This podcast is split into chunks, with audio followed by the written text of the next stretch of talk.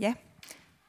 Søndagens tekst til i dag er taget fra Kolossenserbrevet kapitel 4, vers 1-6. Og der står, Vær udholdende i bøn. Våg med bøn og tak. Bed os for os om, at Gud vil åbne os en dør for ordet, så vi kan forkynde Kristus hemmeligheden, som jeg sidder i fængsel for. Bed om, at jeg må gøre den kendt og tale, som jeg skal. Vær vise i jeres omgang med dem udenfor, og brug det gunstige øjeblik. Jeres tale skal altid være venlig, krydret med salt, så I ved, hvordan I skal svare hver enkelt.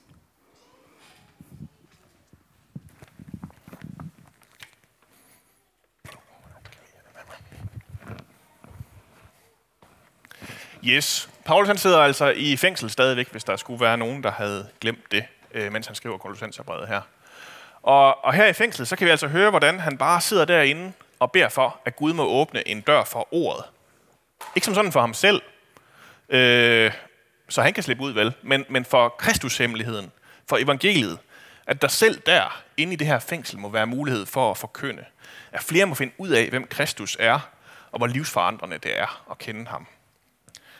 Der er en, der har sagt det sådan, at når man er lænket til Paulus, så kan man enten vælge at blive kristen, eller man kan vælge at blive vanvittig. Eller sådan, det er sådan de to muligheder, der er, fordi han kan simpelthen ikke snakke om andet, Paulus. Vel? Det, er, det er sådan, det kører. Og øhm, det er altså den note, han slutter af på her, hvor Kolossenserbrevet det begynder at lakke mod enden. Bed og forkynd. Det er sådan helt særligt kristne, som, som kommer på. De sidste to søndage, der har Paulus og vi snakket om, at, øh, at man skal lade være med at lyve, og man skal være tålmodig, og man skal have en velfungerende familie, og sådan, hvordan man kommer derhen og, og lærer det og sådan nogle ting. Og det kan vi ligesom alle sammen nogenlunde være enige om, øh, at det er en god idé. Men nu er det sådan ligesom der, hvor vi er kommet til, at man faktisk også er, der er sådan en særlig kirkeidentitet, man skal tage på sig, for at det her giver mening. For at bøn og forkyndelse, evangelisation, at det, giver, det, det bliver noget, der er for en. Jeg læste øh, om, øh, fra en af mine sådan, store helte, psykologiprofessoren Richard Beck, øh, der i mange år har ledt en bibelstudiegruppe i et fængsel. Øh, og han gik sådan en dag og reflekterede over, hvorfor han så godt kunne lide det. Hvorfor det var så meningsfuldt for ham at bruge den her time om ugen i, i det lokale fængsel. Og så kommer han til at sige til konen sådan her. Jeg kan lide at være steder, hvor evangeliet er vigtigt. Ikke for at være grov eller fordømmende, men nogle gange får jeg bare fornemmelsen af, at evangeliet ikke betyder særlig meget for en masse middelklasse og overklasse kristne.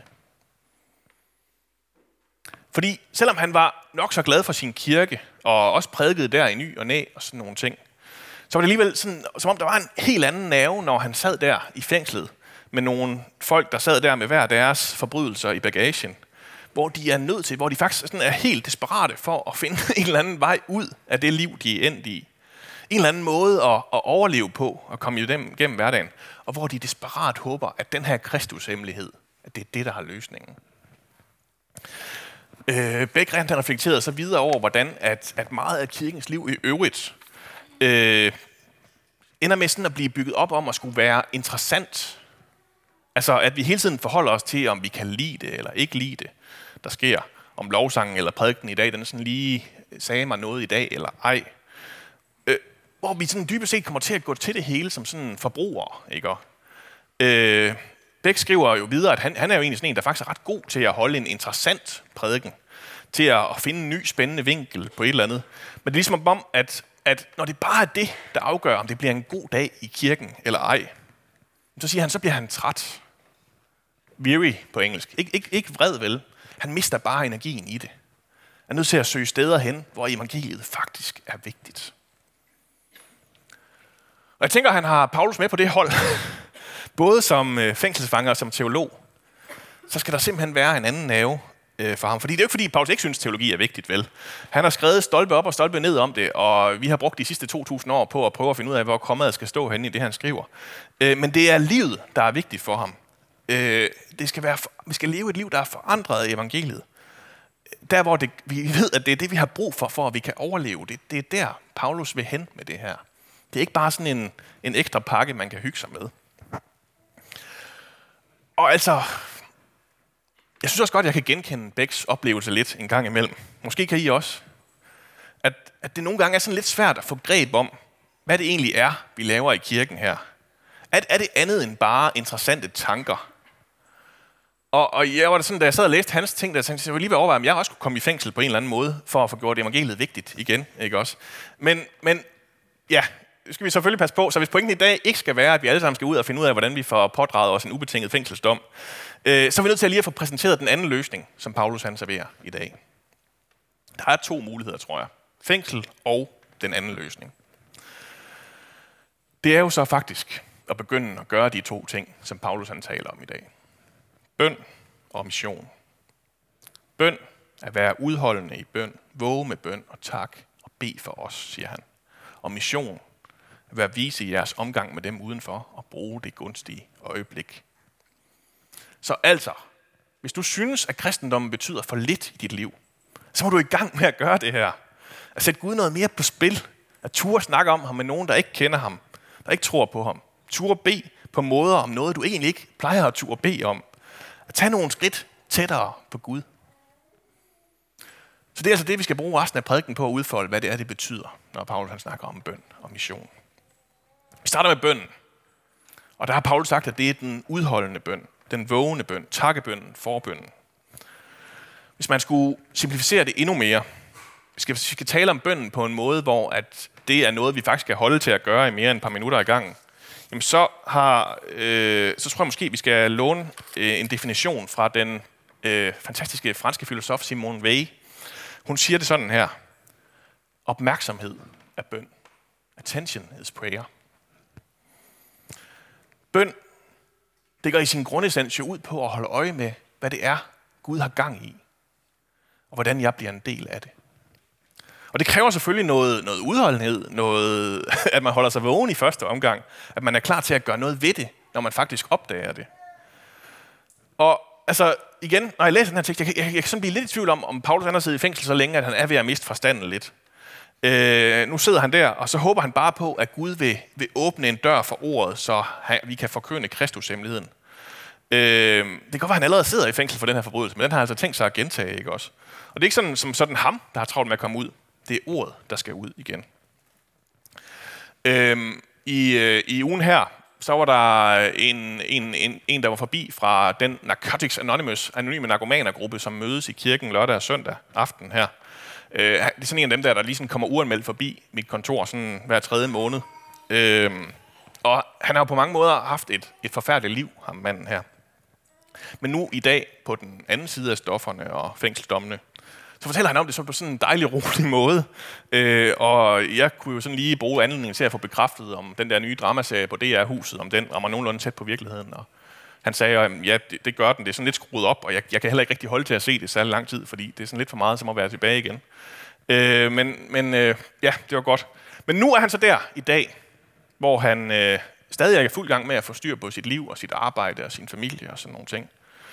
Og nu er han så faktisk også kommet frem til, at hans store kald, det han egentlig vil, det er at komme tilbage i fængslet. Øh, ikke, ikke som indsat, øh, men han vil så gerne fortælle dem derinde, at det faktisk er muligt at komme ud af stofferne, at komme ud af kriminaliteten. Øh, og vise, at der faktisk er en, der har gjort det. At, at, altså, at, at der er en, der faktisk har den erfaring, og der er ikke bare en eller anden 20-årig knæk, der står, for, står og fortæller det, en, det til en, vel? Det går lidt sløvere med, at myndighederne så også lige kan se, at det er en god idé, at han skal derind igen. Øh, øh, men, men, men, men det er jo det, vi har med at gøre i dag, at man, man står lige pludselig et nyt sted, hvor man har et forvandlet blik på det, man egentlig hele tiden har været en del af. Hvor Gud, eller, eller Gud, som vi opfattede ham, hvis, hvis min ende af ven også skal, skal være med, har, har åbnet nye muligheder, forandret perspektivet, gjort, at noget, der før syntes umuligt, pludselig er en mulighed. For der er jo også sådan lidt to måder at høre sådan en tekst som den i dag på. Og jeg tænker, at I sidder derude begge to. øh, øh, og det er, ikke, det er jo ikke, fordi man nødvendigvis har særlig meget kontrol om, over om man hører det på den ene eller den anden måde. Men der er to måder. Den ene måde, det er, øv, jeg skal bede hele tiden. Eller, yes, jeg kan bede hele tiden. Øv, jeg skal missionere hele tiden. Eller, yes, jeg kan missionere hele tiden. Alt efter, hvad for et liv og hvad for nogle erfaringer vi har med, når vi står her. Paulus er selvfølgelig på, på yes-holdet. Og tænker jo også, at det udelukkende er en gave, vi får givet alle sammen. At vi også må være med i det her. At Guds kæmpe store planer, at dem er vi inviteret til at være en del af. At vi både kan få af det her og give af det her. Og der tænker jeg jo, at det her lille B med bøn og tak, som han siger, nok spiller lidt en hovedrolle for, om det virker, det her. Om man hører et yes eller et øv. For at man kan holde til at gå og være opmærksom på det, Gud har gang i hele tiden. Så skal man derhen, hvor livet, bønnen, relationen til Gud, det grundlæggende er en gave, som egentlig er langt over, hvad vi har fortjent. Hvor vi bare må tage imod og leve med, at vi aldrig kan betale den her regning tilbage. At vi ikke engang ved at prøve at fortjene os til det, at kan komme op på en eller anden værdi. At det ikke er det, der er øvelsen. At vi, vi bliver aldrig tilfredse alligevel, hvis det er den øvelse, vi laver. Men vi har fået den her gave. Og det gælder jo nok også for den anden del af Paulus' pakke her. Den del om at være vise i jeres omgang med dem udenfor og bruge det gunstige øjeblik. Jeres tale skal altid være venlig, krydret med salt, så I ved, hvordan I skal svare hver enkelt. No pressure, ikke øh, Igen, hvis vi skal kunne holde til det her, så starter det jo i takt. Det er en mulighed, vi har fået. Det er en chance for at være med. En opmærksomhed, vi har med os, der gør hele vores hverdag langt mere meningsfuld. Alt det andet, I ellers har hørt, eller hører, når der bliver sagt mission, det må, I, det må I meget gerne glemme igen. Fordi det er jo ikke, altså, ja, det er muligheden, det er chancen, det er det, det handler om. Det er gaven. Så igen, lad os lige få pakket den ud. Først er der det med dem udenfor. Det er jo sådan en slags dem og os-sprog, jeg normalt sådan gerne vil forbyde i kirken. Ikke også? Men øh, lige her, så er det jo en betegnelse, der giver mening. Man kunne også oversætte det med dem uden for døren. Altså dem, der ikke har fundet ind i kirken endnu, ikke også? Eller med outsiderne, dem, der står sådan udenforstående. Dem, der ikke har forstået det her endnu. Og lige meget hvordan vi vender og drejer det, så er der jo noget her, man forstår anderledes, når man står indefra, end når man står udefra. Og som man faktisk nok skal indenfra for at kunne forstå. Vi har, vi har snakket om det mange gange før i den her prædikenserie, at hvis man ikke kan finde mening i begyndelsen af Kolossens brev, så, så, så skal man heller ikke læse slutningen, fordi så giver den heller ikke nogen mening for en. Lige meget, hvor, hvor praktisk og nemt den egentlig er at implementere. Lærke, hun øh, øh, tog os med tilbage sidste søndag i, hvordan det har været at komme ind i det her, komme fra en helt anden virkelighed, og træde ind og møde Kristus, og hvordan at alt derfra blev forandret for den her kvinde Lydia, som hun fortalte om. At det hele det startede med at møde Kristus.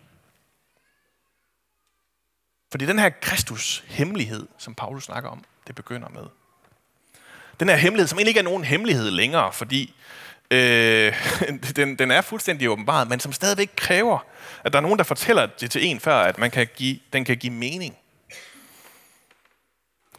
Men Paulus' tilgang er jo sjovt nok ikke, at man bare skal plapre løs og tale på alle de, der er uheldige nok til at være spærret inde sammen med en.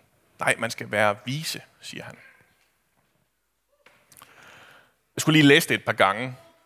Først troede jeg, at han tænkte, at man sådan skulle være sådan snedig, eller sådan lidt lumske, at det er det, han mener. Øh, altså få sagt tingene i den rigtige rækkefølge, ikke også? Og så glider det lidt lettere ned og sådan nogle ting. Men det er jo faktisk ikke det, visdom er. Så var jeg ude i, om man, det var sådan noget med, at man sådan skulle være tilstrækkelig klog, at det var noget med at få læst op, så man var klar på, at hvert argument, der måtte komme, ikke også, og man kan møde op, og så kan man bare skyde dem ned, øh, inden de rammer jorden, de der ting, man bliver skudt på med. Men det er faktisk heller ikke det, visdom er. I Bibelen, så, så, så tales der om visdom og kundskab. Og kundskab, det er det, man kan vinde bedserviser og teologiske debatter med. Øh, det er Paulus egentlig uinteresseret i her. Han vil have visdom. Den visdom, som Jesus taler om, for ret ved sine gerninger. Som er sådan en, en slags åndelig størrelse, som måske i virkeligheden hænger allermest sammen med det første. At man finder ud af, hvordan man lever sit liv i bøn, i opmærksomhed, i at være vågen på, hvad det er, der sker omkring en. Hvornår det gunstige øjeblik opstår. Der, hvor der faktisk er brug for Kristus hemmeligheden.